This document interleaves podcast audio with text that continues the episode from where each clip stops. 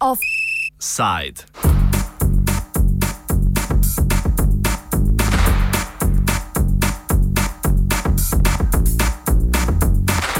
Brez zobi odbor Evropskega parlamenta.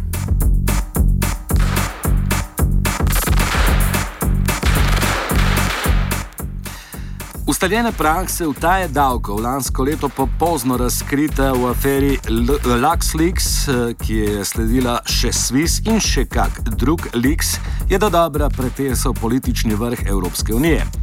Tresta se je gora z današnjim sklepom Evropskega parlamenta o ustanovitvi posebnega odbora za davčne odločitve, pa se je rodila miš.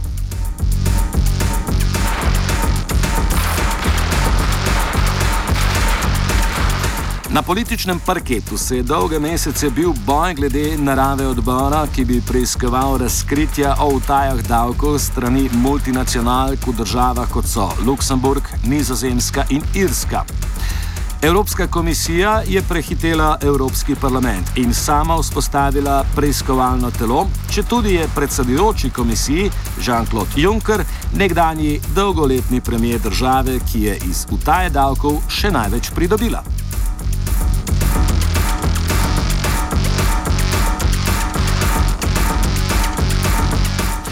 Eden od razlogov, da se v Evropskem parlamentu ni vzpostavil preiskovalni odbor, ki bi imel večjo moč kot posebni odbor, je ta, da že obstaja preiskovalno telo v neki drugi evropski instituciji, torej komisiji. Več Fabio De Masi, član novo ustanovljenega odbora iz skupine Evropska združena levica, Zelena nordijska levica, ki se z odločitvijo pravne službe parlamenta ne strinja.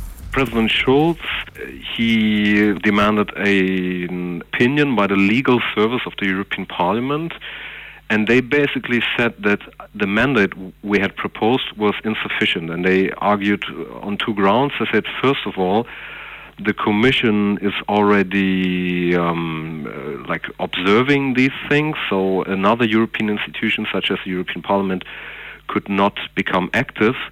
But uh, we refuted this argument based on uh, some news because we found out that there's a European directive that already since 1977 requires member states, when they engage in such tax rulings, to inform the other member states, and this obviously has never been done.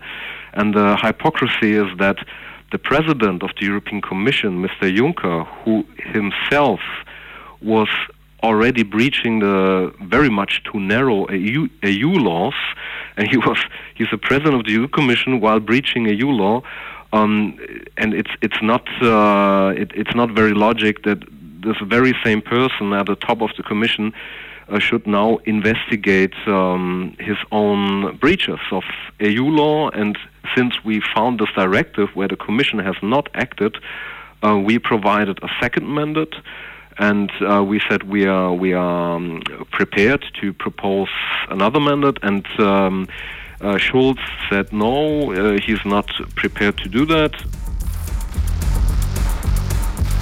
No, kljub temu, da sta skupini Evropska združena levica, Zelena nordijska levica in Evropski zeleni, ki sta predlagali vzpostavitev preiskovalnega odbora, pod katerega se je podpisalo nekaj manj kot 200 poslancev, spremenili in dopolnili zahtevo, se je predsednik Evropskega parlamenta Šulc odločil, da pobude ne da na glasovanje. Zato so se pri zeleni levici odločili, da se obrnejo na Evropsko sodišče. We are prepared to pursue a legal case in front of the European Court of Justice for, for not uh, allowing us to vote uh, on an inquiry committee, because only an inquiry committee would have had the chance to access classified documents by European member states and to clean the mess up um, that has uh, ruled Europe for so long. Poslanka socialistov Tanja Fajon komentira odločitev Šulca. Morda je tu malce premalo informacij, morda je res malce ponesrečena.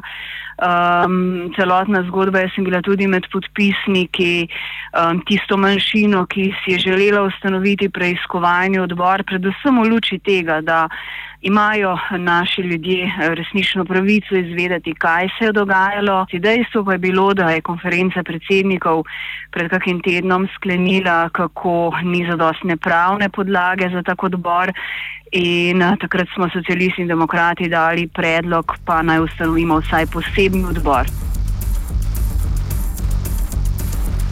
Težave pa se niso končale pri obliki novega odbora. Tudi trajanje odbora je krajše kot navadno, nadaljuje Demasi.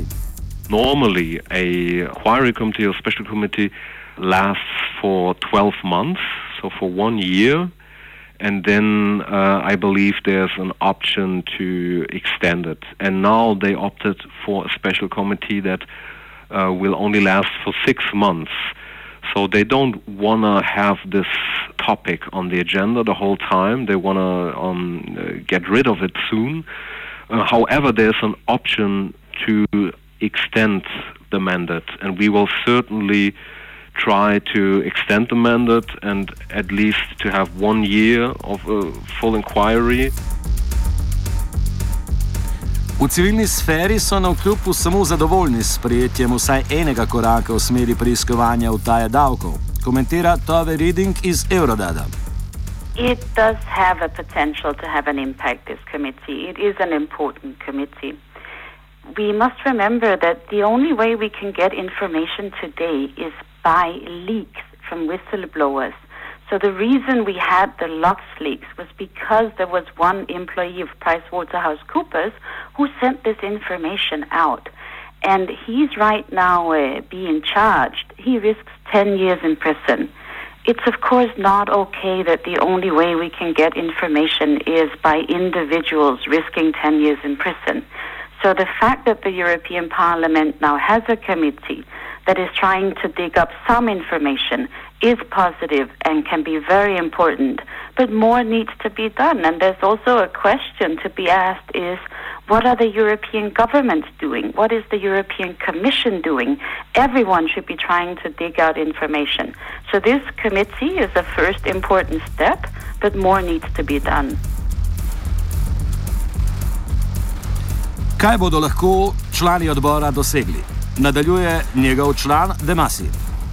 The problem is that the European Parliament cannot decide itself on, on, on new rules for Europe. For example, we would argue we need something like uh, minimum taxes for corporations so that uh, member states cannot outcompete each other anymore. These things would require a treaty change, and a treaty change can be only um, initiated by the European Commission with the consent of EU member states. However, we wrote an amendment that the special committee can propose whatever measures it deems necessary. And if we would uh, create a strong voice in European Parliament for measures to tackle um, tax theft by large multinational corporations, then the European Commission and the member states would have to respond, especially if our citizens would support us in, in, in putting uh, pressure on them. And hence, uh, the, the, the, the committee has more a symbolic value, but still, if we can expose um, this organized crime in the area of tax policy, then uh, public pressure would mount, and then we would force them in the best scenario to change um, the rules. However, I must also add that currently the whole tax evasion issue is treated um, exclusively under the heading of competition policies. So I translate that. That means that, for example, if Luxembourg said to uh, Google or Amazon, you all have only to pay 1% uh, tax, then this is completely fine uh, in terms of the European laws. Only if they said Amazon pays 1% and Google pays 2%, then this would be considered illegal um, state aid uh, because it would um, uh, discriminate against one company. And this is not the way how we can really effectively fight tax evasion. So we want to make proposals that go beyond the narrow issue of competition policies and tax rulings, and uh, we will do whatever it takes to ensure that. Tisto, kar je najpomembnejše, poudari Tove Reading. Razkritje informacij o plačilih davkov multinacionalk strani držav članic. The most important thing we need to know is how much are multinational companies really paying in taxes. We don't know this. We've been trying to find out, and the LuxLeaks showed us that we have a really, really big problem. There are very big companies that have very big profits and are paying very little taxes. But we only see little bits and pieces of the puzzle. We want the full picture.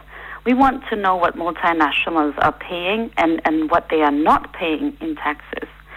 So we've tried again and again to ask the European governments to give us this information, and so has the European Parliament. But they have said they don't want to give this information, they don't want it to be public. Offset je pripravil Jankovič.